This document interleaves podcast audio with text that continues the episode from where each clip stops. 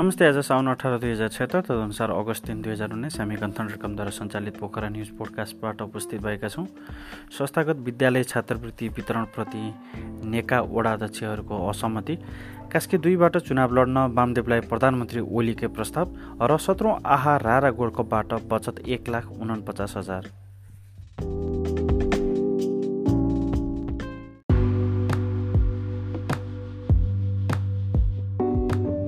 पोखरा नगरपालिकाको संस्थागत विद्यालय छात्रवृत्ति वितरणप्रति नेपाली काङ्ग्रेसका तर्फबाट निर्वाचित एघार वडा अध्यक्षहरूले असहमति प्रकट गरेका छन्।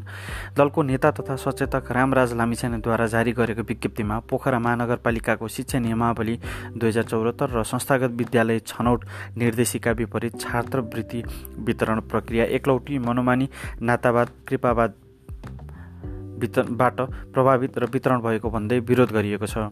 काङ्ग्रेसको तर्फबाट वडा नम्बर दुई तिन चार छ नौ दस एघार बाह्र तेइस सत्ताइस र बत्तिसमा वडा अध्यक्षमा निर्वाचित भएका थिए। प्रधानमन्त्री एवं नेकपाका अध्यक्ष केपी शर्मा ओलीले नेकपाका सचिवालय सदस्य वामदेव गौतमलाई कास्की दुईबाट उपचुनाव लड्न प्रस्ताव गरेका छन्। यसअघि गौतम आफैले चाहना राखेर विभिन्न जिल्लाबाट उपचुनाव लड्ने इच्छा राखे पनि ओलीले नै प्रस्ताव गरेको पहिलो पटक हो। बालुवाटा स्रोतका अनुसार केही दिन अगाडि बसेको नेकपाको सचिवालय बैठकमा प्रधानमन्त्री ओलीले नेता गौतमलाई रविन्द्र अधिकारीको निधनपछि खाली भएको कास्की निर्वाचन क्षेत्रबाट चुनाव लड्न प्रस्ताव गरेका हुन्। सारा क्लबको आयोजनामा भएको सत्रौँ संस्करणको फुटबल प्रतियोगिताबाट सबैभन्दा कम रकम बचत गरेको छ।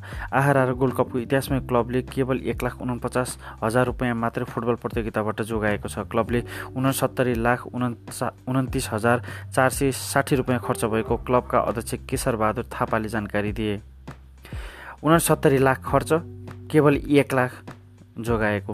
हिमश्री फुड्सको मुख्य आय प्रायोजनमा गत फागुन नौदेखि अठार गतेसम्म फुटबल प्रतियोगितामा सञ्चालन गरिएको थियो। मैदान स्टेज प्याराफिट क्लब प्याराफिट व्यवस्थापनको लागि मात्रै आठ लाख सतहत्तर हजार रुपियाँ खर्च गरिएको थियो।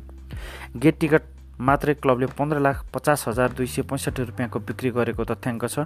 मुख्य प्रायोजकबाट तेह्र लाख एकाउन्न हजार उपलब्ध गराउँदा राष्ट्रिय खेलकुद परिषदले चार लाख रुपियाँ सहयोग गरेको थियो।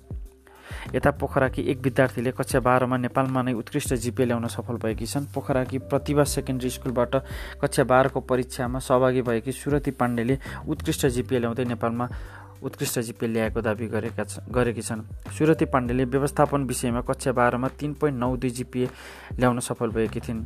यस वर्ष नेपालभरबाट तिनजना विद्यार्थीले मात्रै तिन पोइन्ट नौ दुई जिपिए ल्याएका छन्।